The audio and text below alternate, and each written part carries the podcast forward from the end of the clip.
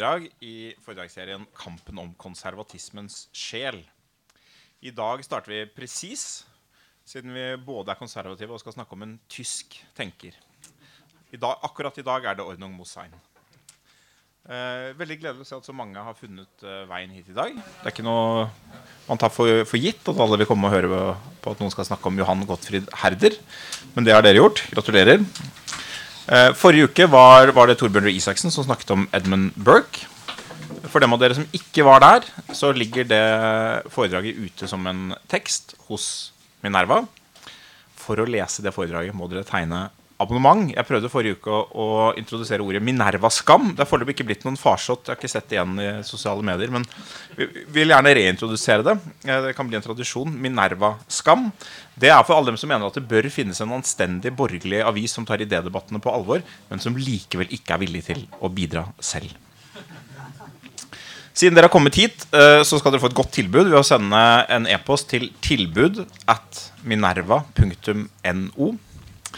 Da får dere en link, og så får dere et årsabonnement med stor rabatt til bare 499 kroner. Det anbefaler jeg alle å gjøre. Og de som ikke gjør det, så anbefaler jeg å kjenne godt på Minerva-skammen. Så har dere i hvert fall noe igjen for det. I dag skal, skal vi høre om Johan Gottfried Herder, som uh, var en, uh, en, tysk tenker på slutten av 1700-tallet, som uh, forbindes bl.a. med ordet 'Volksgeist' og flere sånne ord med folk øh, og tysk, tyske ord for nasjonalting som ikke klinger like godt etter annen verdenskrig. Men, men, det skal vi se bort fra i dag. De klang ikke så dårlig i 1780 som de gjorde siden. Eh, når vi har denne foredragsserien, og det her er et godt eksempel på det, så er det fordi vi opplever at eh, mange av tidens store spørsmål er relatert til problemstillinger konservative alltid har vært opptatt av. Statens legitimitet, hva som utgjør en nasjon, mange spørsmål som går forut for og går mye videre enn mange av de økonomiske spørsmålene som vi har, blitt vant til å tenke på som de politiske skillelinjene. Og Vi ser over hele den vestlige verden, og vi så det veldig tydelig i Norge i kommunevalget, at det i stadig større grad er andre spørsmål enn bare synet på økonomi, synet på skatt, synet på statlig eller privat, som skiller velgerne. Andre partier går frem på helt andre saker langs andre akser. Og I mange av disse spørsmålene tror vi at det å ta en ny titt på den konservative idéarven det kan være nyttig for å forstå både hvor vi kommer fra, men også tiden vi lever i. Og For å hjelpe oss med det i dag så har vi Asle Toje. Vær så god.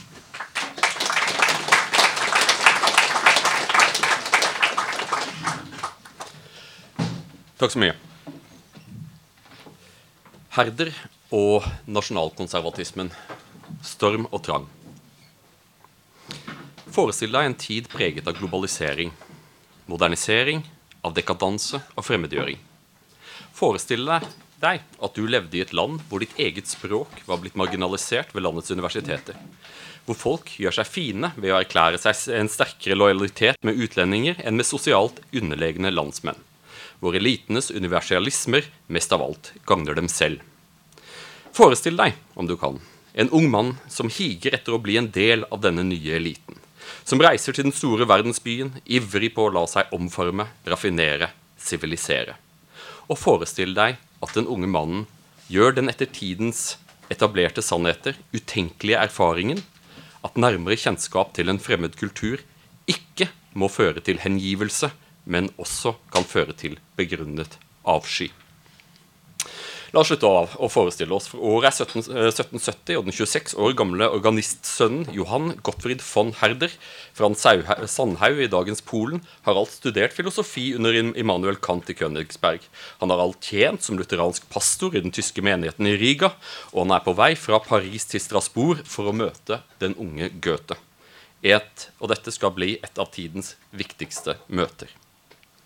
For ut av dette møtet springer storm und Drang. Denne kunstretningen som blir fortroppen for sinnets revolusjon. Denne som skal legge adelsveldets Europa i grus og berede grunnen for borgerskapets nasjonalstater. Herder studerte under Kant, men Kants venn og kollega Johan Georg Hamann var åpenbart en viktigere innflytelse for Herder. En biografi av Hamann skriver følgende. Kant gjorde fornuften til sin rettesnor og kilden til filosofien. Hamann fant kilden til begge i sitt hjerte. Mens Kant mislikte tilløp til religiøs entusiasme og så i dette overtro og fanatisme, frydet Haman seg over begeistring, og han trodde på åpenbaring, mirakler og tilbedelse. Haman mente at tro og overbevisning snarere enn viten styrer menneskets handlinger. Haman skal ha rådet den unge herder til å tenke mindre og leve mer. Dette ga herder videre til Goethe, som ga han æren for at Goethe ga opp hva han kalte uttørket klassisisme. Og han blir en populist i poetisk forstand ved å skrive for folk flest på deres eget språk. Denne språklige patriotismen hadde både Herder og Goethe fra Martin Luther, som oversatte Bibelen til tysk i 1522. I hans skrifter fra denne tiden møter vi en herder som føler seg personlig støtt av snobbete fransk intellektualisme, som påtok seg retten til å fortelle folk hvordan de skulle leve sine liv. Mens Herder, i motsetning til Edmund Burke, ønsket den franske revolusjonen velkommen, var han dypt skeptisk til å bygge samfunn på abstrakter. I stedet fant han svaret i kultur, rotfestet i språket. Han oppmuntret i et dikt tyskerne til å kaste opp slimet fra seinen og snakke tysk. En på tiden populært omkveid var at du snakker latin med Gud, fransk med kvinner, engelsk med menn og tysk med din, her, med din hest. Herder mente at tyskerne skulle aspirere til å være noe bedre enn annensorteringsfranskmenn. Han mente at enhver tenker klarest på sitt morsmål, og at språket gir tilgang til en, assosiasjonsrikdom som ingen fremmedspråk kan måle seg med. For, språk, for Herder er språk selve essensen i et folk. De aller første ordene vi stammer, erklærte han, er grunnstenen til vår viten. Dette er løfterikt, for så lenge språket lever, lever nasjonen. Og det var derfor han innbitt, kjempet for å stanse kolonialiseringen av de tyske universitetene av fransk. Han så bruken av fransk eh, som eh, en tendens som med tiden ville redusere Europa til kulturenes gravgård. Herder bringer til torgs et nytt fokus på kulturelle forskjeller og protesterer mot generelle lov, eh, de generelle lovmessigheters autoritet.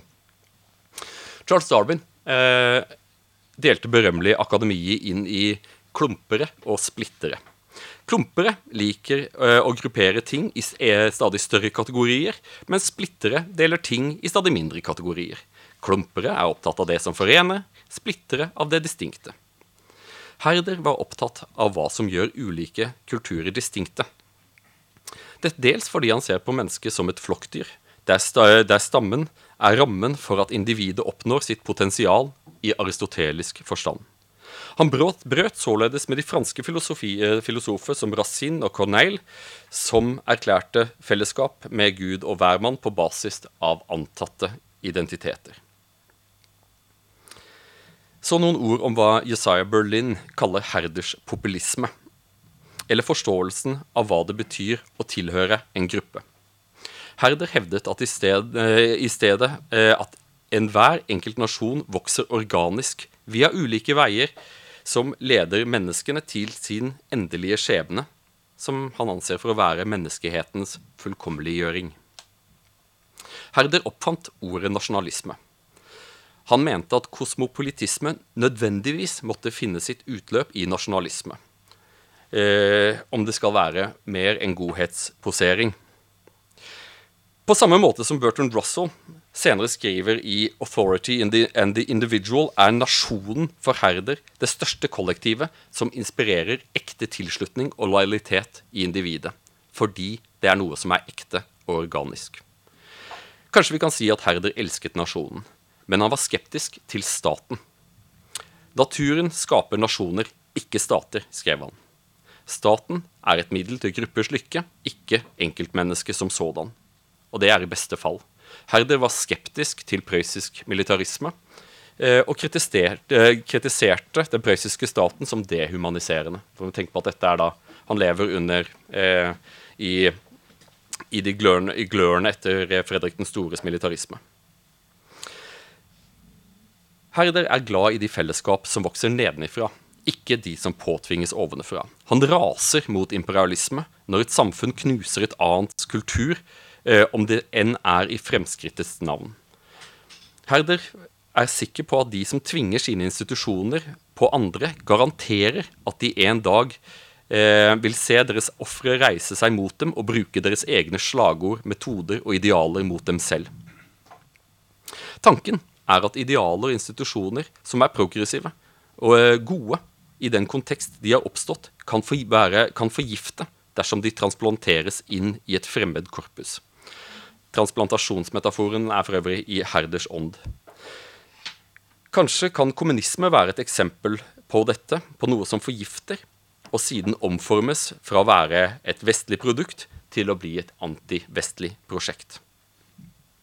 Jeg nevner eh, en av eh, Herders venner, Johan Gottlieb Fichte. De to studerte begge under Kant i Königsberg. Begge tok inn og internaliserte Kants filosofiske univers, og alle synes å enes om at i alle fall Herder startet som kantianer. Han var humanist, kosmopolitt og pasifist. I dag så tok jeg og leste en bok eh, av Francis Fukuyama om identitet, og ble overrasket til å se at eh, Francis Fukuyama er en stor tilhenger av Herder. Han erklærer at Herder er en tenker som ikke er tilstrekkelig lest i den engelsktalende verden, og konkluderer med rette at nedrakkingen av Herder av vår tids manikeere er grovt urimelig. Herder delte opplysningstidens syn på menneskeheten som, eh, som en, eh, en, eh, en, enhet, og på menneskets verdighet som noe som dveler i likt monn i alle mennesker, uavhengig av kulturell kontekst. Dette gjorde han til en prinsipiell motstander av slaveri, på et tidspunkt hvor det ikke var en, eh, populær eh, holdning å ha. Han mente også at en kultur kan måles etter hvordan kvinner behandles.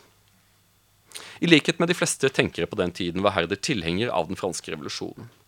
Siden erkjente han med avsmak at en befolkning hisses opp til galskap og deretter eh, styre seg selv som en gal befolkning.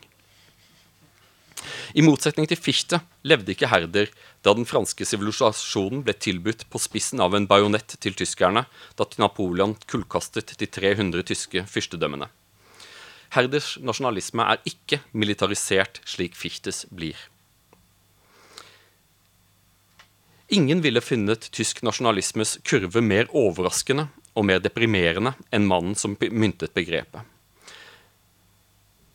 Johan Gottfried von Herder er en av de 18. århundrets mest originale, men fremdeles mest oversette tenkere. En dypt innflytelsesrik filosof som satte preg på, et, eh, på, på, på feltet som har blitt kjent som nasjonalisme. Han oppfant ikke bare begrepet, men han er også nasjonalismens fremste forsvarer. Herder og Edmund Burke, som vi hadde i første eh, foredrag, deler tanken om samfunnet som en organisme, et levende hele. Men han var ifølge Josiah Berlin sterkt påvirket av naturvitenskapene, som på, en, eh, som på en måte skiller han fra de som satte intuisjon over vitenskap. Dette skiller han f.eks. fra Giambattisto Vico, en av hans samtidige, historiefagets far, eh, som trodde og mente at historien var syklisk, at en gullalder vil med nødvendighet etterfølges av en jernalder. Herder trodde på fremskritt.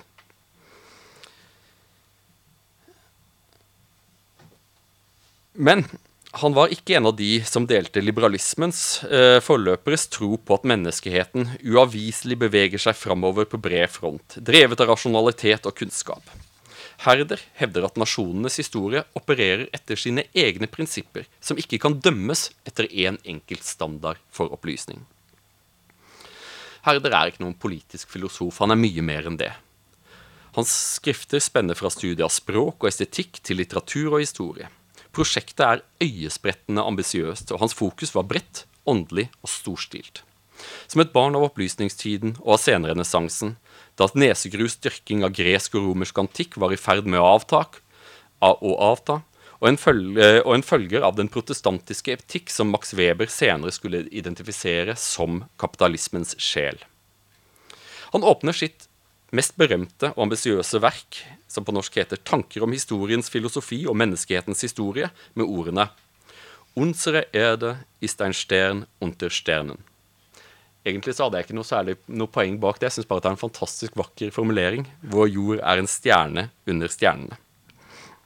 Her skriver han først om geologi, om klimatiske forhold, om mineraler, planteverden og dyrenes rike, kapittel for kapittel, før han endelig ender opp med mennesket. Herder mener at ethvert ritual, tro, hver myte og ord i enhver kultur har sin forklaring og sin begrunnelse, som man tar på seg å klarlegge. Herder er ikke en sjåvinist. Han beskriver ulike kulturer med samme interesse, eh, og jo mer aparte en praksis er, jo mer engasjert er han. Gitt det vitenskapelige konsensus på tiden hadde Herder et forbløffende avansert syn på det komplekse samspillet mellom arv og miljø. Mer kompleks enn det du finner blant de fleste akademikere i vår tid. Herder ser på kulturer som ulike, men likeverdige. Han mente at den europeiske byborger verken er mer lykkelig eller dydig enn den orientalske patriark, eller mennesker som levde for lenge siden. Han bruker med beundring jødene som eksempel gang på gang. Hva Herder ser, er at individet ikke lever alene, og deres identiteter påvirkes av andres identiteter. Og disse kollektive identitetene gir seg utslag i den komplekse helheten, som inkluderer kunnskap, tro, eh, kunst, moral, lov, skikk og andre evner og vaner som enkeltmennesket tilegner som medlem av dette samfunnet som Herder kaller nasjonen. Men han var opptatt av at samfunnet kan tvinge oss til å spille falske roller, med det resultat at vi blir fremmede for oss selv og for hverandre.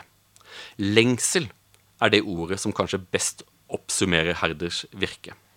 Den litterære skolen Sturm und Drang som de fire stjernene fra Weimar, Herder, Wieland, Goethe og Schiller bar fram med sitt fokus på det autentiske og på folkekunst, men også i Kants forståelse av ordet der lengsel er motsatsen til passiv erkjennelse uten evne til å gjøre noe med saken.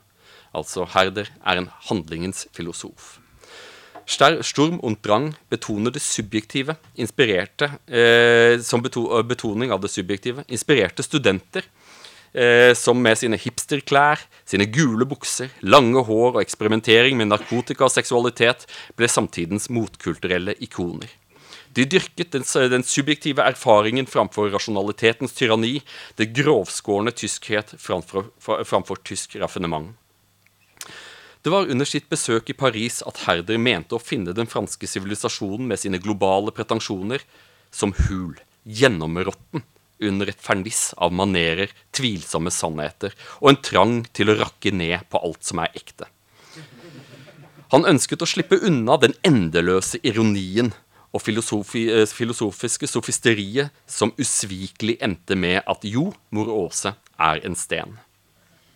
Han skrev Våre milde, trivelige og nødvendige bånd som har blitt oppløst av en skamløs hånd, mens de av oss som ikke bor i Chateau de Fernay, har ikke blitt gitt noe i deres sted. Og i dette slottet så var det naturligvis Voltaire som bodde.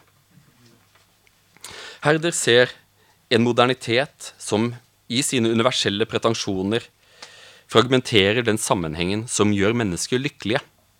Senere skulle Michel Bulbeck bygge et helt forfatterskap på denne enkle innsikten. Interessen for tysk kultur kom i noen grad av at Herder ikke var aristokrat. Det var heller ikke Fichte. Han var ikke engang av borgerklassen. Han var den skoleflinke sønnen til en organist. Eh, dette at han, har, eh, at han, legger til von Herder, er, eh, er vel kanskje et, et, tegn på visse sosiale aspirasjoner, men dette var ikke hans klasse. Det at han var dårlig i fransk, i alle fall ikke formfullendt, de europeiske elitenes foretrukne arbeidsspråk, eh, gjorde at han ble mer interessert i tysk. Hans innsikt i nasjonal identitet var grunnet i de erfaringene han hadde gjort seg, bl.a. som sjelesørger for den tyske minoriteten i Riga.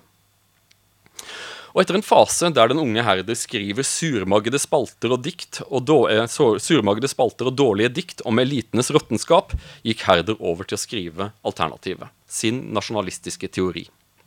Det var, den var gjennom å sette ord på det den, Dette var den banebrytende tanken om kulturell identitet. Herde skapte gjennom denne tanken en forståelse av menneskelige samfunn som er for store til at alle individene kan kjenne hverandre, men som likevel har fellesskap. Ikke bare i Europa, men også senere i den globale utbredelsen av nasjonalstaten. I så måte har Herder hatt større innflytelse enn de aller fleste filosofer. En av følgerne av uh, Sturm und Drang-bevegelsen, Wilhelm Grimm, som samlet folkeeventyrene, skriver et sted. Uten folket og folkets kultur ville det ikke være noen allmennhet. Det ville ikke finnes noen nasjon, ikke noe språk og ingen diktning som er vår og som lever og virker i oss. Kulturen binder oss til de som har gått før oss, til våre medmennesker og til de slekter som skal komme. Johan Gottlieb Fichte, den annen av denne første generasjonen av tyske bondestudenter, sammenligner den folkelige kulturen med eiketreet. Den er grov og seiglivet, med dype røtter, mektige grener og en frodig løvkrone bestemt for et langt liv, slik Geir Uthaug beskriver det i storverket 'Romantikkens univers', som har kommet ut på Dreyer. Anbefaler å kjøpe denne.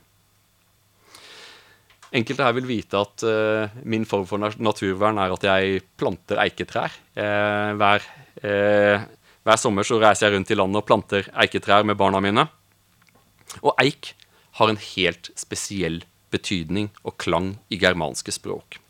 Det er en scene fra den nye filmen om JRR Tolkien, som skrev 'Ringenes herre'. En professor vil forklare for den unge Tolkien betydningen av språk for kultur. Han forteller oss om en gutt som lærer ordet for treet, knytter ordet eik til det fysiske objektet. Han leker i, i, i eika, klatrer blant grenene. Når han blir mann, gifter han seg under det, og rir forbi det på vei til krig. På hvert trinn av hans livs reise rotfester treet seg i livet hans, og til sist ligger han begravet under det. Nå, og først nå, forteller professoren, kan vi alle forstå disse opplevelsene som støtter vår forståelse av dette enkle ordet eik, oak, eich. Din kulturs ord faller ned i bevissthetens brønn og gir et dypt ekko.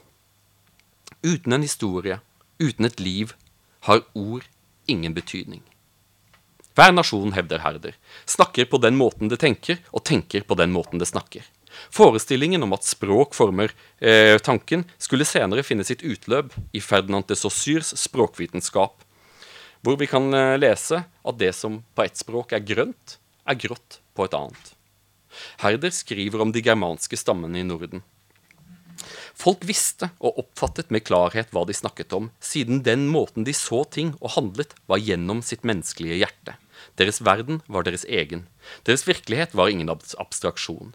Nietzsche skal senere fremheve dette som alternativet til det vi moderne mennesker så altfor ofte gjør, nemlig å leve våre liv enten i fortiden eller i fremtiden. Denne, denne kollektivets ånd, dette folksgeist, var ifølge Herder likt for alle kulturer, men allikevel distinkt. Han mente at hver nasjon har sin distinkte karakter, som uttrykkes i språk, tradisjoner, historiske minner, verdier, normer, som vel som, de, som i institusjoner og lover. En tysker er ikke en polakk, er ikke en russer, er ikke en tartar. Og Her vil jeg gi et eksempel på den typen, av den typen som Herder ynder å gi i sine bøker.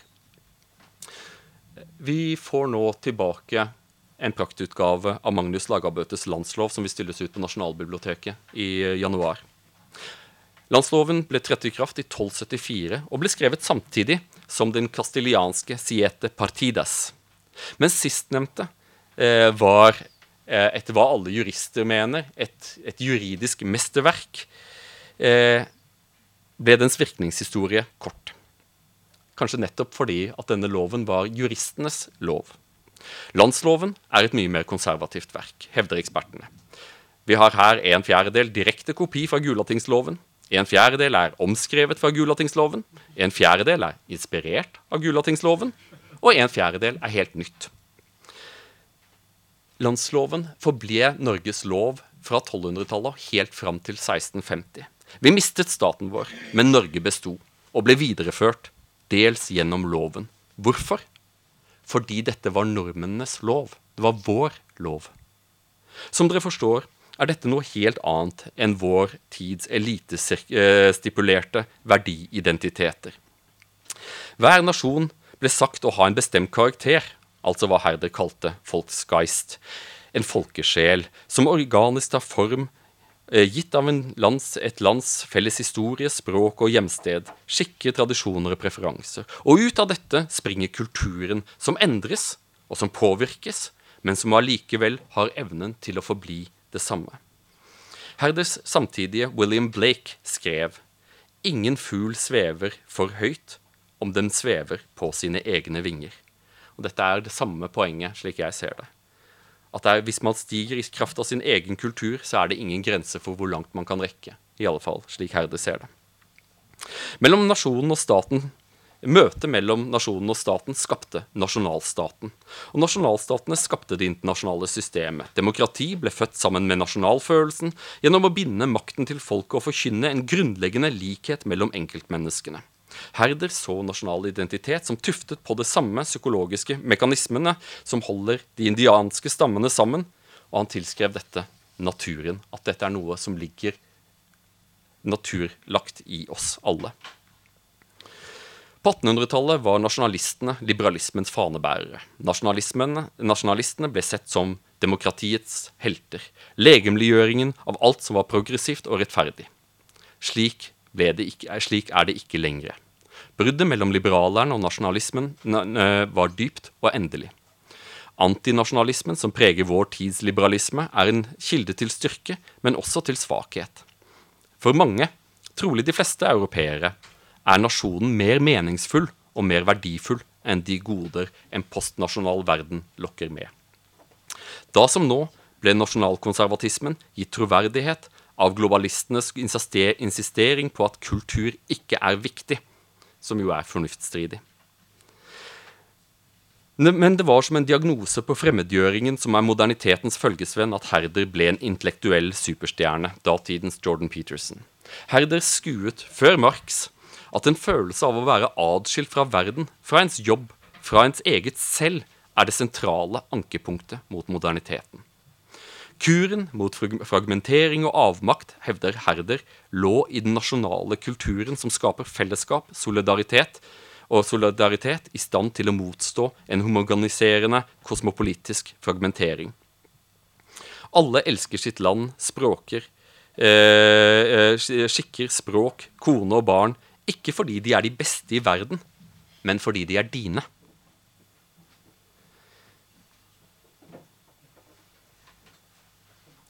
I dag er nasjonalisme et negativt ladet ord, farget av 1900-tallets første halvdel og de grusomheter som ble begått i nasjonalismens navn. Ved slutten av 1800-tallet ble stemmene som forsvarte et samlet Europa, færre. Kontinentet veltet seg i mangfold. Over hele Europa ble unike skikker, klær, mat, tradisjoner, ja selv språk gjenoppdaget eller produsert, avhengig av perspektiv. Dette var ledsaget av en bølge av antieuropeisk sinnelag. De intellektuelle gjorde opprør mot den toleranse og felles verdier som mange oppfattet som det motsatte av nasjonal kultur. Samarbeid på tvers av grenser ble synonym med noe fremmed, et hinder for nasjonen. Det er allikevel urimelig å legge dette foran Herders dør. Herders nasjonalisme var tolerant. En feiring av det som forener oss i de største gruppene, som evner å skape et oss, altså nasjonene. Men vår tids antinasjonalister glemmer bekvemt at de lever i en verden som er skapt av nasjonalisme. En verden som er bygget opp av nasjoner, gitt form av nasjonalstater, som etter myrderiene har gitt oss også demokratiet, velferdsstaten, rettsstaten og borgerrettighetene. Det er i beste fall tvilsomt om en tror at disse tingene kan leve videre uten nasjonalstaten.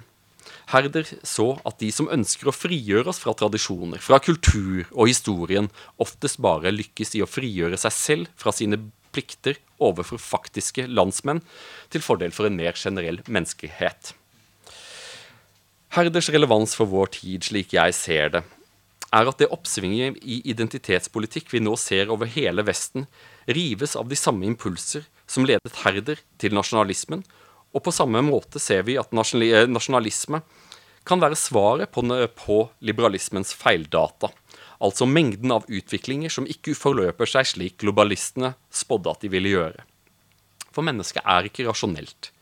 Ikke bare, i alle fall. Vi har en arv som forankrer oss, som gir oss mening.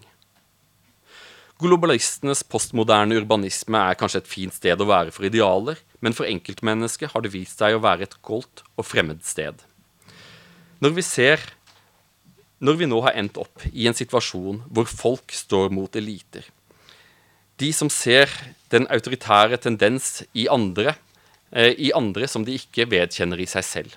Eliter som i sin higen etter å fjerne stengsler for sin egen utfoldelse ikke har spurt hvilken pris dette har hatt for deres landsmenn, som de allikevel ikke identifiserer seg med. Den nasjonalkonservative bølgen vi ser eh, i dag, setter strøm i den konservative bevegelsen, vekker entusiasme, men også uro.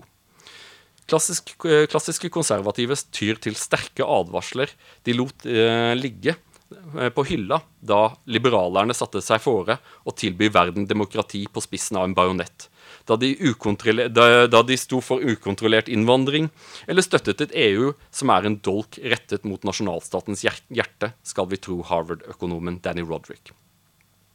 I en slik kontekst, da norsk er i ferd med å dø som kunnskapsspråk ved universitetet, når den kultur vi ser i det offentlige rom, best ville vært forklart om vi var for okkupert av en fremmed makt som forakter oss, når du kan gå tørrskodd på eksperter i nyere amerikansk historie, men det knapt finnes kompetanse på norsk middelalderhistorie ved, ved våre universiteter, er det fristende å smile beskt når konservative advarer mot eh, den, nasjonalkonservatismen som om den skulle være faren for den nasjonale kulturen.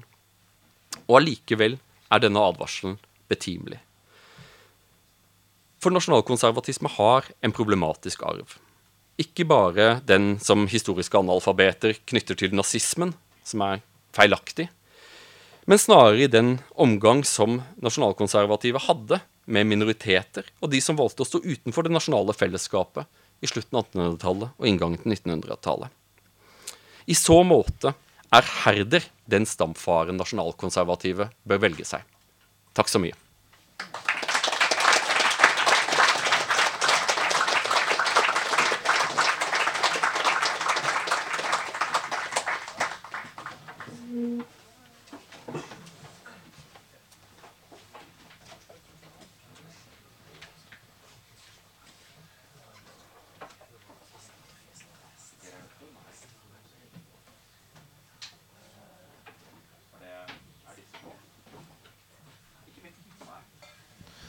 Så da må vi Nå er det på.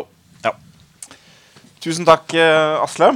Det var eh, et spennende foredrag om en spennende tenker og en spennende eh, tid. Jeg hadde tenkt til å begynne med å stille deg et åpent spørsmål om uh, hva dette betyr i, i dag. Men det, det, avsluttet du nå de siste fem minuttene med. Så jeg tror vi skal begynne, med, skal begynne å gå tilbake i historien, så ender vi opp i dag, tenker jeg. Men jeg kunne ikke helt unngå å bli slått av beskrivelsen av Herder til å begynne med, det som kunne vært i dag, men som var 1770. Hvor mye der var det av den unge Asle Toje, som uh, kom til Cambridge og møtte, møtte, verden som en kanskje mer naiv liberaler? Jeg har blitt fortalt uh, at du en gang i din tid også var EU-tilhenger. uh, hvor, hvor, mye er det av deg selv når du leser Herder? Kjenner du deg igjen i, i Herder? Jeg har ikke tenkt så mye på det, men jeg tror at du har et poeng. Uh, jeg uh, Jeg elsker Cambridge. Uh, og, og, Cambridge var for meg en eh, Et fantastisk sted å være. Et universitet slik universitetet bør være. Jeg ble utsatt for tanker og for en konservativ tradisjon som vi ganske ikke møter ved norske universiteter. Men senere, så når jeg skulle skrive doktorgraden, så eh, flyttet jeg til Brussel. Og jeg må si at min erfaring fra Brussel minner nok mye om den erfaringen som Herde gjorde seg eh, i Paris. Eh, å komme dit i rede til å la seg omstøpe og bli en europeer. Eh, og reise derifra eh, med en dyp avsmak for, eh, for dette europeiske prosjektet. og dette kommer nok noen ting av at jeg er fra Audnedal. Eh, jeg kommer fra en liten bygd eh, som er Hvor båndene er veldig tette, og den nasjonale impulsen er noen ting som er en selvfølgelighet. En kontekst som, som følger meg. Og på samme måte som Herder ble Du ser i diktene hans at han er personlig støtt. Han er mm. opprørt over hva han opplevde i Paris. Eh, på samme måte følte jeg da jeg, da jeg erfarte den grunnløse, nei, bunnløse forakt som europeiske eh, byråkrater følte overfor europeere som de anså seg for å være mindre opplyste eh, enn det de selv var. Eh, for jeg kom til Brussel i den tanken om at dette var folkets tjenere, ikke deres herrer. Eh, og det var noe som var et sjokk, eh, og som jeg må innrømme også eh, skapte også en ganske sterk personlig motreaksjon i meg. Det er alltid farlig å ha forventninger til mennesker, eh, for da blir man alltid skuffet. Det er nok ikke bare eurokrater som er, viser seg å være dårlige mennesker på bunnen.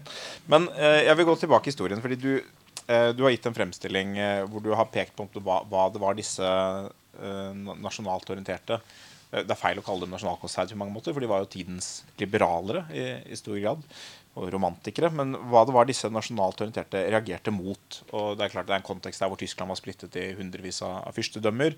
Frankrike var tidens uh, stormakt, uh, i hvert fall på kontinentet.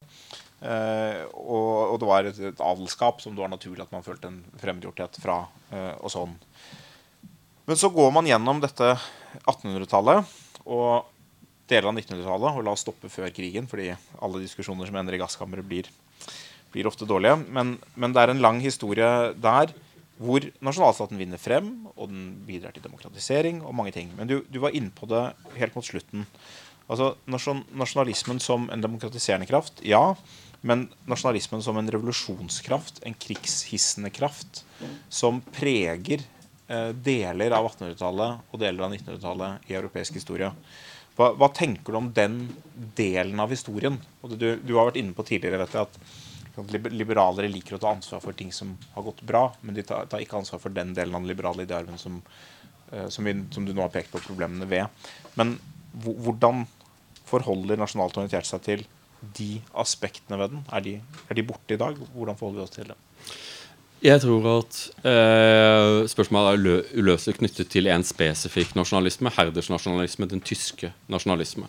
Eh, mot slutten av 1800-tallet så har vi en, en overskrift eh, 'Det tyske problem'. Eh, og i denne kontekst mener jeg at det tyske problem eh, er at nasjonalismen blir en folkelig bevegelse eh, som inspirerer studentene i det øyeblikket Prøysen taper slaget ved Jena. Eh, og Fichte holder sine taler til den tyske nasjon. Og, denne, eh, og tysk nasjonalisme blir med Fichte militarisert. Den blir, vel, den, den blir statstro, og den er, eh, anser seg selv for å være under angrep. Eh, og denne viljen til å vende seg bort ifra eh, den franske filosofiske tradisjonen er uløselig knyttet til de erfaringene som eh, de hadde med Napoleons hærer eh, i, i Tyskland.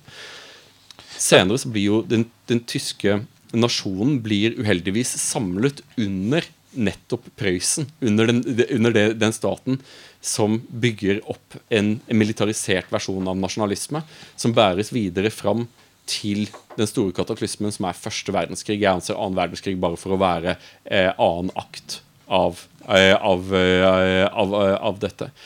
Og nasjonalismen spiller en sentral, eh, en, eh, en, en sentral rolle i dette.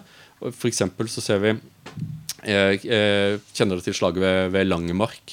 Der tyske studenter eh, marsjerer eh, og, og lar seg massakrere på slagmarken i Flandern eh, i patriotisk rus for fedrelandet, som senere blir fremhevet til noen ting som, som skulle være et, eh, et, et, et, vakkert offer, men som ikke var annet enn en, en villfaren massakre i nasjonalismens navn.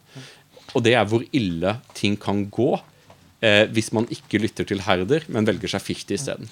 Men, men det, jeg, det, det, det jeg lurer på, er som eh, mange andre deler av konservatismen er både opptatt av at intensjonen kan være bra, men vi må se hvor, hvor er det disse tingene forutsigelig leder. For hva er det de gjør med menneskets personer? Hva er det de gjør med menneskets uh, institusjoner? Og, og det er ikke bare den tyske nasjonalismen som hadde disse utbruddene. Altså, hele 1800-tallet er jo en, en strøm av frigjøringsbevegelser. Nasjonale frigjøringsbevegelser. Det er, altså, er eh, Serbia i 1815, det er eh, Hellas i 1828, det er, eh, det er Belgia som eh, bestemte seg for å, å på nasjonalt grunnlag løsrive seg fra, fra Nederland. Hvordan de fant på det, er ikke godt å si. Men, er britenes skyld. ja, jo da, men det var britenes skyld. Og en opera som heter 'Den stumme fra Portici'. Eh, den gangen kunst hadde noe å si. Uh, men det jo, dette går jo gjennom hele veien. ikke sant? Og det er det, er det polske spørsmålet, det er det finske spørsmålet, det er grusomme kriger eh, mange steder. Og mange av disse ser jo vi på som frigjøringskriger. Vi bruker et positivt ladet ord ofte. Det er ikke noe tvil om fra at, fra at fra et konservativt perspektiv så er det jo først og fremst ekstremt mye uro og destabiliserende krefter. Og det kan det være god grunn, godt grunnlag for, men det viser jo på en måte hvilken person som ligger i dette som en også som en ideologi. For det var jo ikke I tidligere århundrer så var jo ikke denne Nasjonen var jo der, men ideologien var ikke like sterkt til stede. Ja, men av, av, av de tre store ideologiene som har formet den vestlige verden, altså da liberalismen, nasjonalismen og sosialismen, så er det uten tvil nasjonalismen som var den sterkeste mobiliserende kraften. Og nasjonalismen har skapt den moderne verden. Eh, og selv om man, eh, jeg mener at man skal være veldig bevisst eh, den sjåvinisme og intoleranse som kan følge av nasjonalisme, så, så, eh, så, så tror jeg at eh, vi heller ikke må, eh, må se bort fra at vi lever i en verden skapt av nasjonalisme. Og denne grunntanken til Herder om at eh, kulturen som springer organisk fram, eh, båret fram i språket, er en bedre måte eh, å leve på enn noen av alternativene. Enn imperiet, enn av adelsveldet eh, som, eh, som nasjonalistene eh, spiste til frokost. Eh, og det er like sant i dag som nå. Og i så måte så er, må, må vi spørre oss I dag så er nasjonalstatene under press, nasjonene er under press, og det fører til en enorm brytning. Så da må vi spørre oss, er det slik at eh, er dette bare eh, støy, at hundene bjeffer, men karavanen går videre? Eller er det på tide å innse at dette har vært en, en stor, et stort feilgrep? Og Det er interessant å se at f.eks. Emmanuel Macron, som er en prinsipiell europeer, har jo funnet veien tilbake til en herdersk nasjonalisme. Britene har funnet veien tilbake til en herdersk nasjonalisme, mens en mer fiktiansk eh, nasjonalisme preger land som, eh, som Russland og til dels India og, og Kina. Da er vi inne på en interessant måte å forstå eh, den politiske nasjonalismen på. For nå fremstiller du det litt som, eh, og som jeg i stor grad er enig i, at eh, en for rask eh, og for liberal og for kosmopolitisk, for globalistisk politikk og virkelighet vil forutsigelig fremprovosere denne nasjonale reaksjonen. Det er det du sier, ikke sant? Mm. men da spørsmålet er det er når, når du tar til orde for at man derfor og det lytter til herder, er det fordi det, man erkjenner sånn kommer folk til å reagere. Det er jo, det er uunngåelig. Vi er nødt til å håndtere det. Eh, liksom få det i ordnede former. Minske de negative utslagene. Eller er det en mer, en mer positiv ideologisk agenda som sier nasjonen bør gjennomsyre alt? Du, du ser på forskjellen på de to tilnærmingene. Er det en sånn Dette er vi nødt til å gjøre, ellers går det gærent? Eller er det dette må vi gjøre fordi det er nasjonen som bærer oss? Herde vil jo si at eh, nasjonen er naturlig, eh, til forskjell fra, eh, fra eh, fellesskap stipulert ovenifra, basert på abstrakter. Og i så måte så er det intenst mye mer meningsfullt. Og denne tanken om å knytte alle individer i nasjonen eh, sammen på, eh, på en basis av likhet, eh, skaper en enorm drivkraft for kunst og for kultur. Men nasjonen må naturligvis bygges. Eh, og dette er jo det som eh, I Norge så, så, har, så, så finner Herders filosofi finner seg utslag i eh, først gjennom Brødrene Grim i Tyskland, men senere i Asbjørnsen og Moe i Norge. Og denne herderske nasjonalismen eh, er veldig nær den norske nasjonalismen. Og vi har jo ikke startet noen verdenskriger eller utryddet noen folkeslag, så vidt jeg vet. Det er Litt sam Eh, sammen, kanskje litt sammen.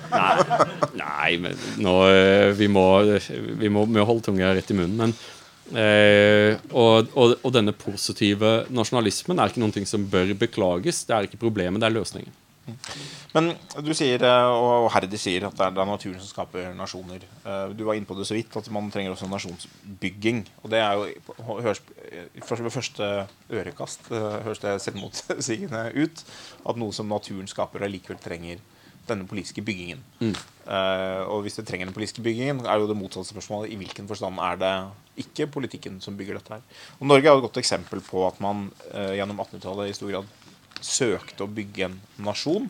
Og grunnen til at man gjorde det, det var jo ikke bare at Norge var blitt selvstendig fra Danmark, men det var at norsk kultur eh, ikke oppfattet seg som én kultur uten videre. At det besto av en eh, mer danskorientert eh, både elite, men også et betydelig element av befolkningen.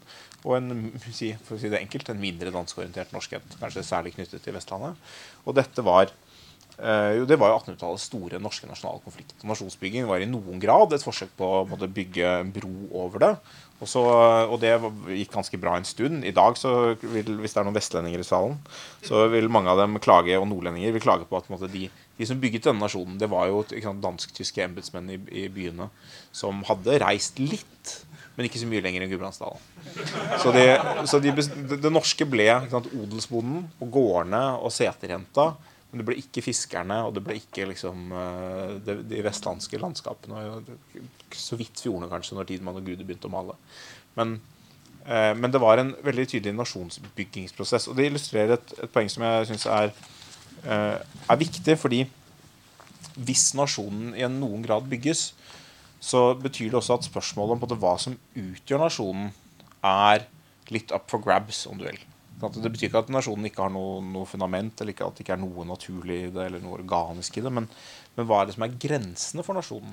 For det er jo det som hele tiden er og det er, jo, det er selvfølgelig Heidi også inne på, at det er, det er, noe relasjonelt.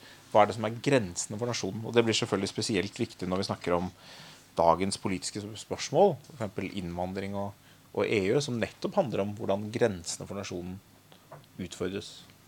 Uh, Eh, Johan Gottlieb Fichte, 17 år gammel, sønn av en vever, eh, eh, vokser opp i Saksen eh, og får seg en gig i Warszawa som huslærer.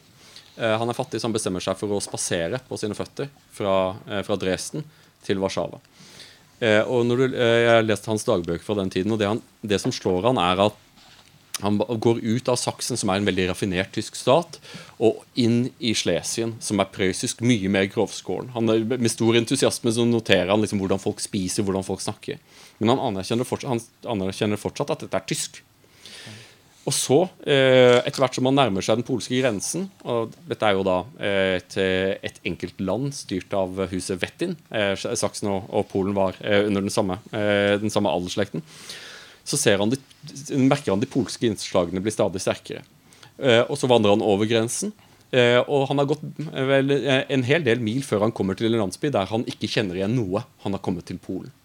Og slik er det med nasjoner. De blør over i hverandre. Og jeg tror at den ideen om å, om å skape et, et, et, definert oss og dem, og si at noen er medlemmer av nasjonen og andre er det ikke, bare tull nasjonen må jo være basert på fri, frivillig tilslutning, på samme måte som at det må være åpent for å ikke velge å slutte seg til den. Men du, du gir det norske eksempelet. Ja, eh, etter nasjonsbygging ovenfra og nedenifra, så sitter vi her da. Verdens rikeste land, verdens lykkeligste land. Eh, verdens beste land etter omtrent alle målinger du kan. Eh, så hvordan vi kunne ha antipati overfor nasjonalisme, er meg, er meg en gåte. Eh, dette er jo noen ting som har vist seg å fungere. Og de, de eliter som er så ivrige på å avskaffe nasjonalstaten, eh, de, de, glemmer å fortelle hva som skal erstatte den. Men hvem er det, Jeg tenkte å gå inn på det. Jeg, jeg hadde det som et spørsmål før du Jeg var ikke sikker på om du kom til å si det, men der, der sa du det. Så da, jeg var på en debatt eh, på et eller annet tidspunkt, jeg tror det var i regi av Agenda. Mm med Jonas Gahr Støre og Trine Skei Grande, som fikk noen spørsmål om nasjonalstaten. Da kunne man jo tenkt seg sant, at uh, dagens liberale sosialdemokrater og og Trine Skei Grande, den naive lederen for Norges selverklærte miniliberale parti, at de ville si noe, noe sånn ikke sant, at uh, nasjonenes tid er forbi, og nå er det liksom, Om det var EU Venstre har jo aldri jeg har ikke gått inn for EU, men man kunne tenkt seg at hun sa noe sånn.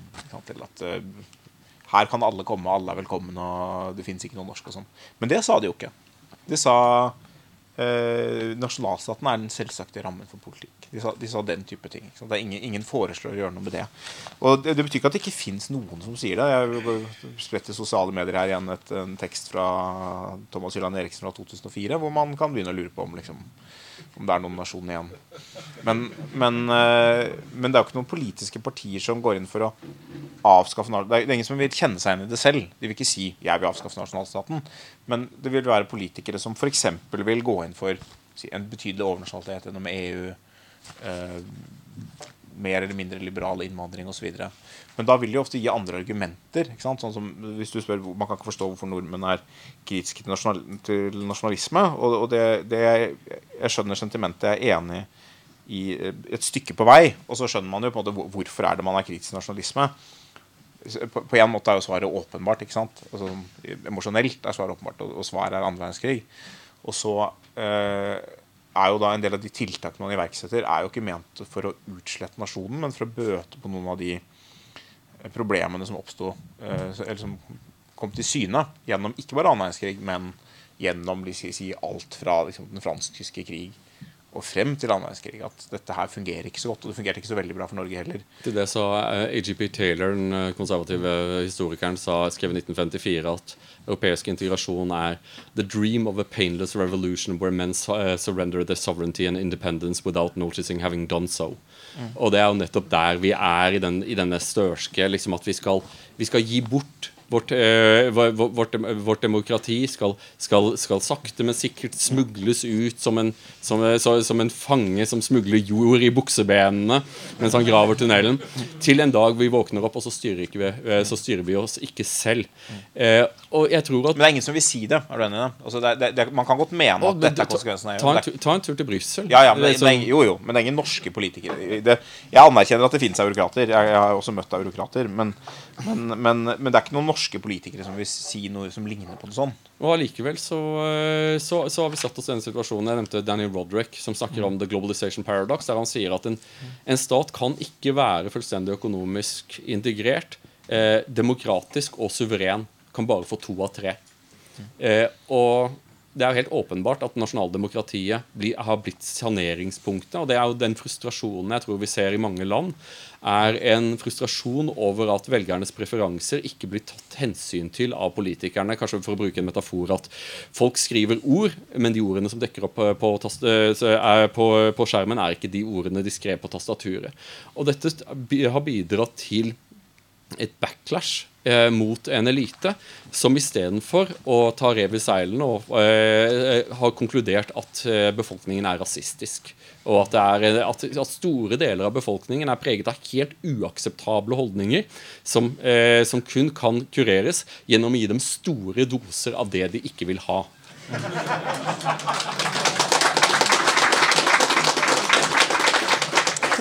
Jeg tror salen er med deg i dag.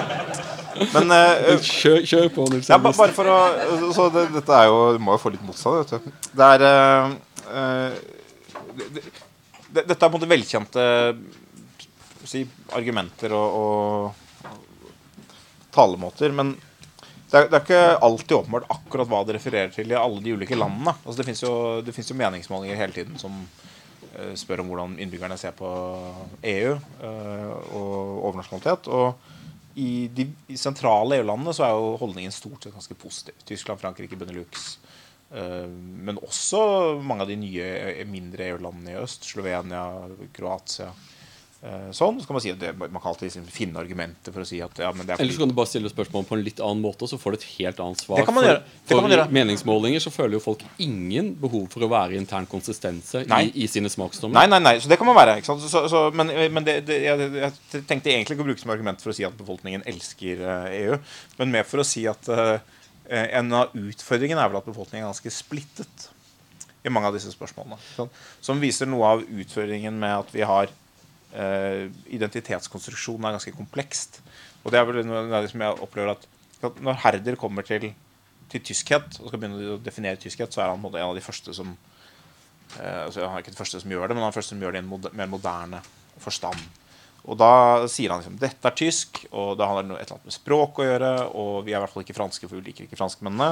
Og så sa du at han syns alle, alle folk er bra, men du, han ga også en beskrivelse av den franske sivilisasjonen som alle, alle, er bra unntatt franskmenn, er mitt inntrykk. Ja. når det er for, for, øvrig, så morsomt, så eh, det er et sentiment han deler med Alfred Nobel, som også hadde en spesiell antipati for franskmenn. Han mente at franskmenn mente at hjernen er et spesifikt franskt organ.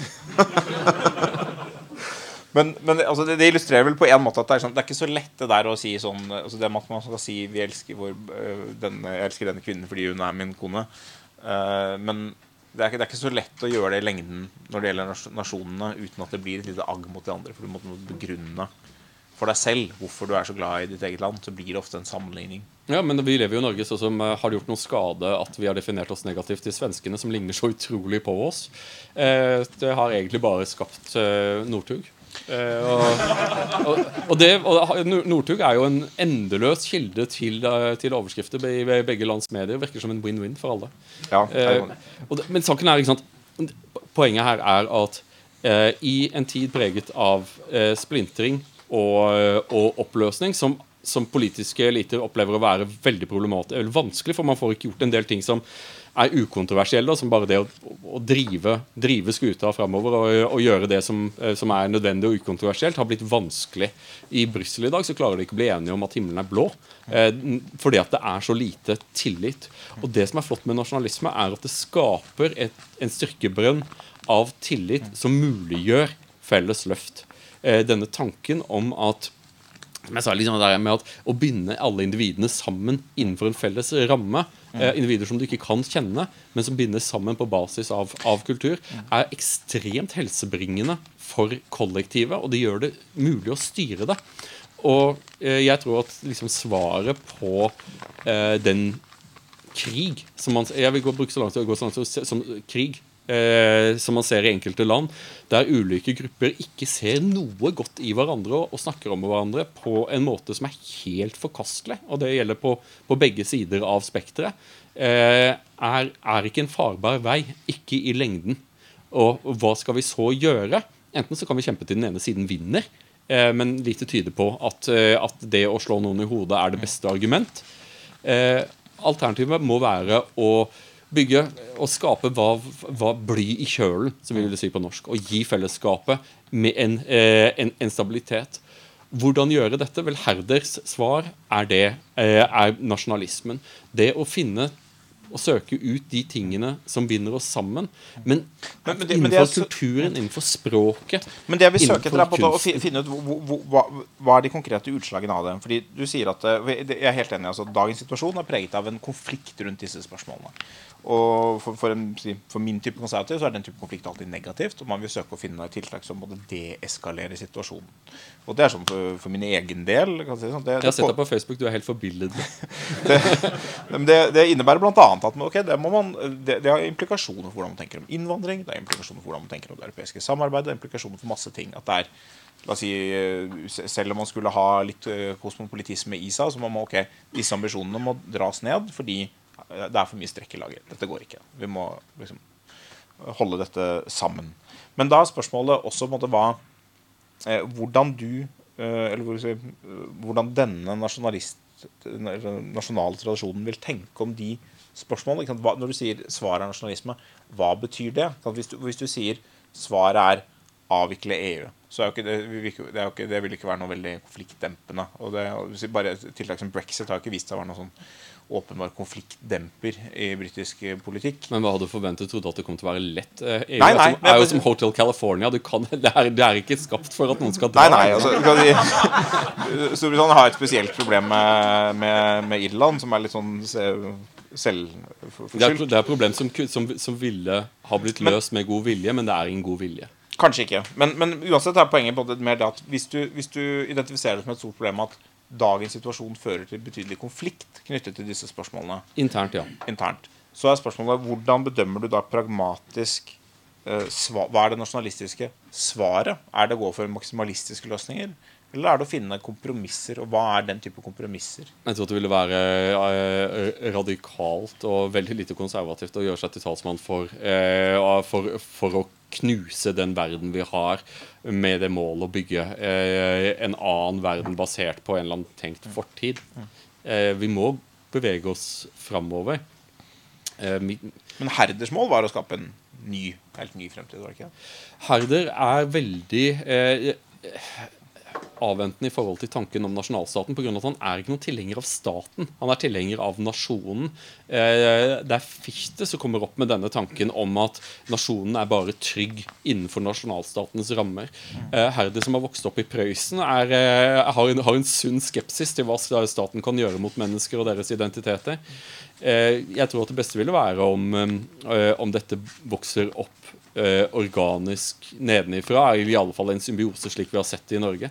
Heldigvis har Statoil skrevet en, en, en, en heller lang rapport, og litt av en komplisert rapport, som lanseres nå på torsdag, om de kulturelle bærekraften av høy innvandring på vegne av Justisdepartementet, som dere kan lese. Der består en del av de, mitt svar på dette spørsmålet i denne konteksten. Men jeg kan forsikre deg, eh, der er det ingen radikalisme og så visst ikke noen tanke om at noen skal betvinges. Jeg mener at eh, i et fritt land så må man bare stå fritt til ikke å slutte seg til nasjonen. Men jeg mener at statens plikt er å bygge fram og bære fram én kultur, det nasjonale. Vi skal komme til, litt tilbake til innvandring og nå går vi litt over tiden her. Skal komme tilbake til innvandring og, og etnisitet og nasjonale om et øyeblikk. Men bare for å avslutte EU og for å avklare altså, du, du vil ikke, hva, hva, vil du tenke om situasjonen der brexit fikk, fikk følge av frexit og, og andre andre exitter. Uh, vil du tenke det er veldig bekymringsfullt? Det endrer Europa som vi kjenner det? Vil du tenke dette er nasjonenes gjenfødelse? Skal, det er vanskelig å spå spesielt om fremtiden. Jeg, jeg, tror ikke at det er brexit som kommer til å, til å brekke ryggen på EU. Jeg tror, nei, nei, jeg tror heller ikke at det er nasjonalismen, nasjonalismen Hvis det skulle skje, hva vil du tenke om, om, det, om det, gikk mot, i den retningen? Vi, vi, Europa består av nasjonalstater. Det vil ikke være noe stort, noe stort problem. Men deler av europeisk samarbeid er er av en slik karakter, spesielt det indre markedet, er, eh, det, det ville måtte gjenskapes. Eh, problemet er at, eh, at, i dette øyeblikket, da mulighetene er så store for europeisk integrasjon, så velger Brussel og de europeiske elitene å kaste seg ut i et prosjekt som handler om å, om å rane nasjonalstatene for beslutningsmyndighet og, eh, og, og svekke nasjonene sta, sta, øh, snarere enn å bygge det indre markedet. Da man startet med europeisk integrasjon, så handlet man i køl og stål. Men i dag så utgjør eh, kull og stål bare en tredjedel av handelsvarene. Mesteparten av handel foregår i tjenester, og det markedet har ikke blitt integrert på noen som helst eh, noen god måte. Og nå står EU i den umulige situasjonen at det som trengs å gjøres, finnes det ikke politisk kapital til å investere i denne vanskelige prosessen med å integrere markedet. Eh, Paradoksalt nok så det, ville det vært populært pga. at det ville skape økonomisk vekst. Er det noe vi lærte fra det lange 1900-tallet, så er det at jevn og forutsigbar økonomisk vekst forløser spenninger. Men EU har ikke levert økonomisk vekst siden inngangen til, til, til 2000-tallet. Man har flatlina på 0% Så svaret er mer integrering? På økonomisk så tror jeg at det er ingenting i veien for dette. Men man må ligge unna nasjonalstatene og nasjonene. Det, det, det prosjektet var forfeilet, og det var farlig. Jeg vil litt tilbake til uh, etnisitetsbegrepet, mm. uh, som du også snakket om. For det er ikke noe, det, si det er ikke noe Herder uh, har noe veldig behov for å definere spesifikt. En av grunnene til det er at det var, det var ikke omstridt hva det betydde den gangen. En tysker var en tysker, en franskmann var en franskmann, og det var enkelt. I dag så vet vi at det ikke er enkelt. Det vet du godt. Du har vært i de debattene mange ganger. men det, det, vet vi alle godt. Jeg tror det er mange som kjenner på en uklarhet, kanskje, av og til. Hva vi, hva vi legger i ulike termer. Eh, men eh, hvordan burde vi forstå dette hvis, hvis vi mener at eller, hva, hva sammen, kan begynne der. Hva er sammenhengen mellom etnisitet og nasjon? Ja, etnisitet og nasjon er uløselig knyttet til hverandre. Dette er, dette er overlappende begreper. Problemet er sånn jeg ble invitert på Verdibørsen. Eh, der de på verdibørsen sier etnisitet betyr rase. Så sier jeg, Men det gjør det jo ikke. Det er det motsatte av rase. Etnisitet er noe som beskriver kun ervervede egenskaper. Det er ingen som blir født norsk. Norsk er noe du lærer å bli. Eh, eh, og hele denne, dette rasesporet er en villfarelse som, som, som, oppstår eh, i Sverige, spesielt i Sverige og i Tyskland, og som drives til sin naturlige konklusjon i folkemordet mot jødene. Eh, eh, rasisme er fullstendig uakseptabelt, og det er, dette er et, det er et det er kalk, eh, et, en kalket grav, og den må forbli så, uh, sådan. Men det som undrer meg, er jo da liksom at man i NRK sier at ja, men det er sånn folk oppfatter det å være. Så sier jeg men hvis du leser noen ting som er skrevet om etnisitet av, uh, av en akademiker, så vil du finne at alle akademikere definerer det på min måte. Så blir det en sånn merkelig måte at Statskanalen eh, som da er ofte villige til å anklage andre for fake news og ikke respektere vitenskap, eh, pløyer på med et etnisitetsbegrep som de vil skal være rase, og målet er jo for å henge den som har brukt, snakket om etnisk norsk. Fordi at de vil bare at etnisitet er noe andre har. Det har ikke vi. Men vi har også etnisitet. Ja, Eh, og det er uheldig at eh, etnisitet har et, en norsk rot som er, eh, som er vanskelig, nemlig ett. Eh, og ett for oss eh, bringer oss til blod og familie og, ø, og det hele. Og derfor så har enkelte en, en konnotasjon om at etnisitet på en eller annen måte handler om hud, hudfarge. Men la det være helt klart. liksom Fredrik Solvang er like norsk som meg. Men altså, utfordringen eh, med, Iallfall etnisk. Eh, Utfordringen eh, Utfordringen med, med innvandring, er, som er et stort tema selvfølgelig for, eh, for nasjonalkonservative, er eh, selvfølgelig at de som kommer hit, de blir ikke umiddelbart etnisk norske. Så spørs, det store spørsmålet er jo da hva er Det ene er hva er grensene for nasjonsbygging i vår tid? I hvor stor grad kan vi bygge en nasjon ut av de menneskene som bor her? Som man i stor grad gjorde på 1800-tallet og gjort tidligere. Og i hvor stor grad eh, måte, bør vi forsøke å gjøre det? Altså, hva, er, hva er statens rolle overfor de som kommer? Assimilering er, er åpenbart løsningen, men frivillig assimilering. Eh, sak, saken er jo det at eh? Dette eksperimentet vi hadde med multikulturalisme, som på norsk heter flerkultur, eh, der man hadde en, en forståelse at folk skulle innvandre til Norge og så fortsette å leve som om de var i en annen kulturell kontekst permanent, eh, og til dels også et annet århundre, eh, har vist seg ikke er, ikke er ikke bærekraftig på lang sikt. Men i så måte så er statens rolle er kun å legge til rette for frivillig tilslutning. Folk skal ikke tvinges til noen ting som helst. Og jeg tror at ofte man undervurderer hvor utrolig smertefullt migrasjon er. Herde skriver om dette. Ikke sant? Han, han skriver om den orientalske patriark. Eh, som er like lykkelig og like fri som noen byborger i Paris eller i Berlin. Forutsatt at han er i sin egen kulturelle kontekst. Men så er det sånn at enkelte da ikke lenger er i sin kulturelle kontekst. En vanskelig situasjon. Det å så gå ut med, som, med, som mål å frata andre ting som er viktig for dem, eh, det ville være eh, uakseptabelt og ille, eh, illiberalt. Men jeg tror at skal vi bygge en nasjon på nytt på samme måte som du, som du sier, ved, inngangs, ved inngangsporten 1814 så har vi et, et land som er splintret, ikke bare med sosialt eh, mellom en dansk elite, men også eh, folk snakker jo dialekter som de knapt ville forstå hverandre, og har liten felles historisk erfaring eh, over, hundreårene. Et langsiktig prosjekt som, som, som, som, finner sted over veldig mange fronter, og som skaper identitet. Og jeg mener at det ville være du må tenke på at Nasjonsbyggerne de var jo ikke de, de ønsket ikke å være slemme. Det var en respons på et spesifikt pro, eh, problem.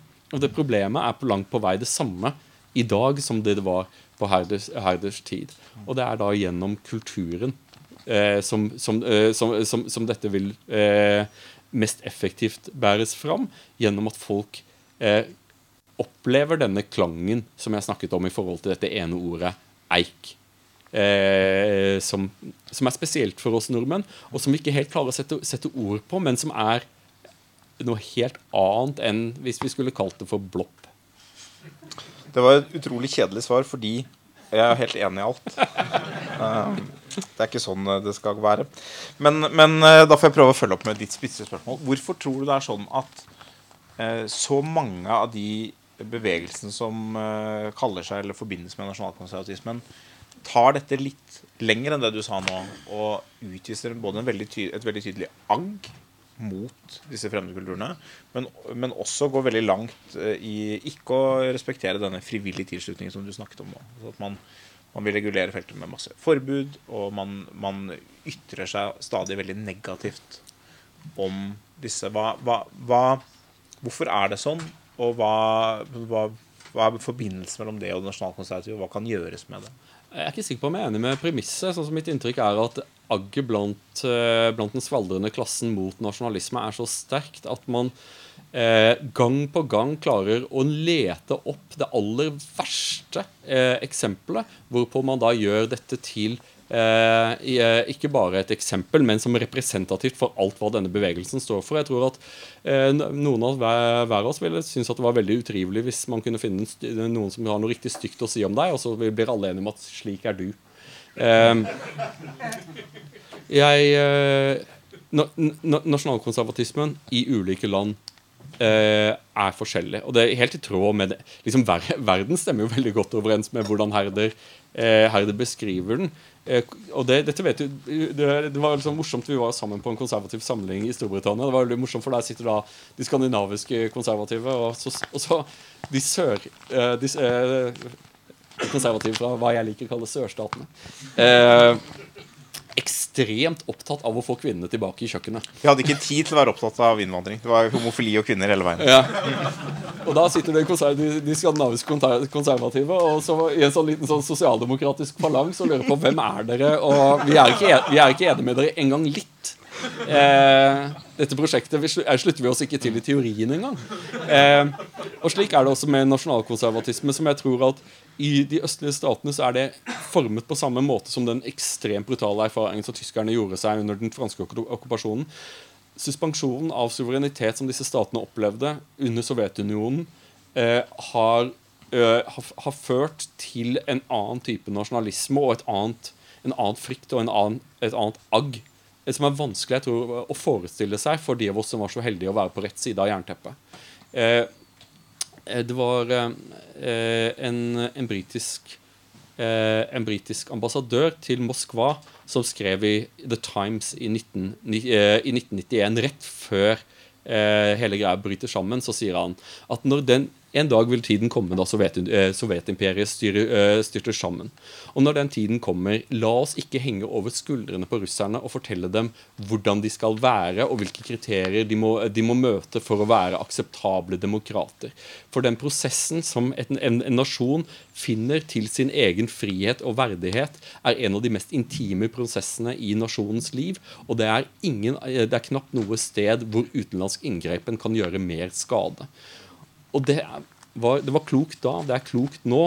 Jeg tror at vi ville ha eh, reddet eh, oss fra eh, enormt mye smerte og myrderier i liberalismens navn i Irak, i Afghanistan og andre steder hvis vi hadde tatt dette til hjertet og ikke forsøkt å innføre demokrati på spissen av en bajonett.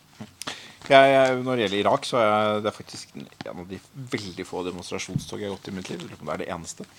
Jeg er ikke jeg er kritisk til den invasjonen av omtrent den grunn. Men eh, Nå blir det litt springende. Men, men bare du sa dette med øststatene Jeg ville egentlig ha deg til å si noe stygt om nasjonalkonservative i Norge, men jeg skjønner at den, den, den feila, så vi, går, vi får ta til Øst-Europa. Eh, men jeg antar at du med det mener at vi har prøvd å presse på dem omtrent hva det skal bety å være gode europeere, og at det har ført til noe, noen negative responser borti, Ja, men i, borti der. i, i fravær av, av, av, av rykende pistoler, så, så, så, så leter man seg fram til sitater som ikke høres bra ut i det hele tatt. Og så sier man 'slik er ungarerne', 'slik er polakkene', 'slik er slovakene', 'slik er tsjekkerne'. Eh, men dette er relativt frie samfunn. Det er bare til å reise dit. Eh, og naturligvis, i det øyeblikket man begynner å se storstilte overgrep mot minoriteter, så er det all grunn til å være bekymret. Men det forekommer jo ikke. Nei, altså det, det var ikke det, men det var ikke det som var min, eh, egentlig mitt, eh, mitt hovedspørsmål. Men, men mener du at de, fordi de blir fortalt negative ting, så reagerer de negativt og blir illiberale, sjåvinistiske osv.? Eh, Jeg tror at i alle fall i tilfelle Viktor Urban så tror jeg at på et eller annet tidspunkt så hadde han et sånt, sånt Paris-øyeblikk da han innså at han aldri ville bli god nok.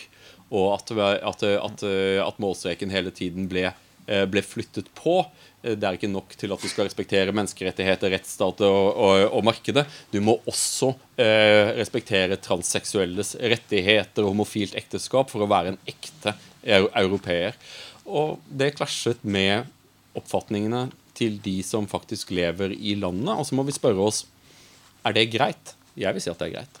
Eh, Jeg vil også si at eh, i Norge, i, mitt land, hvor jeg mener at jeg er meningsberettiget, eh, så mener jeg at det har vært progressivt og riktig at, eh, at, eh, at homofile får gifte seg, og at vi har hatt den, den åpningen for disse gruppene for å kunne uh, søke lykke i tråd med sine preferanser. Har ingen problemer med det hele tatt.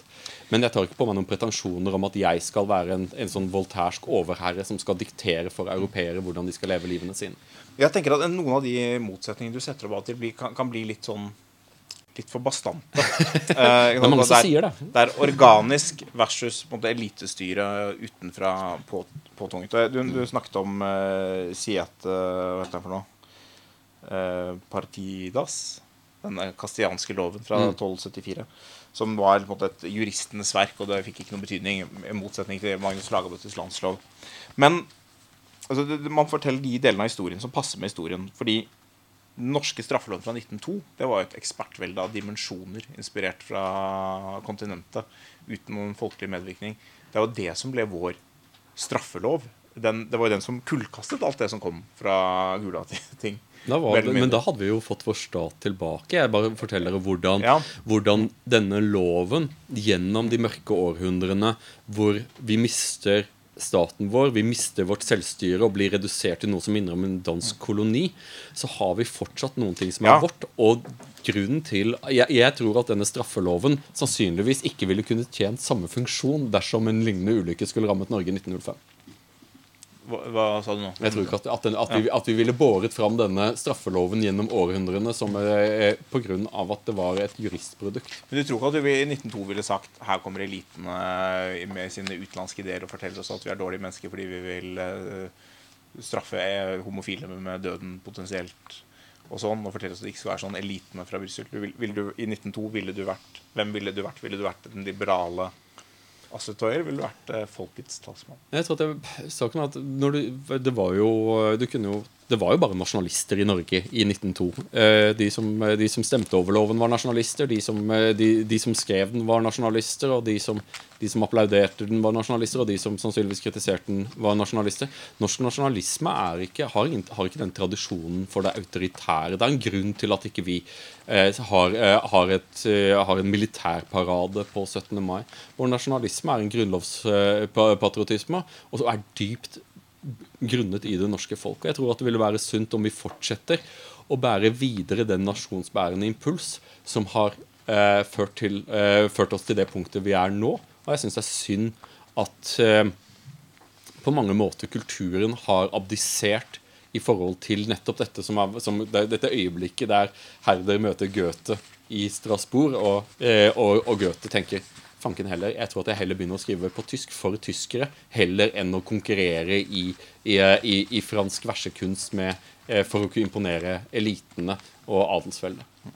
Jeg tror vi får, får gå inn for landing. Jeg bare minne om at uh, Grunnloven i stor grad ble skrevet av den danske europeeren og franskinspirerte Johan Gunder Adler. eh, med tråd med tidens uh, ultraliberale idealer, som ikke hadde noe gjenklang i det norske. Så du ser, det går, an å bli, det går an å bli norsk. Det går an å bli norsk. Takk for at dere kom. Dette foredraget vil bli lagt ut på Minerva eh, snarlig. Da er det bare å sende en e-post til tilbud at minerva.no, eller kjenne på Minerva-skam. Eller, eller mer konservativt, Minerva-plikt. Ja.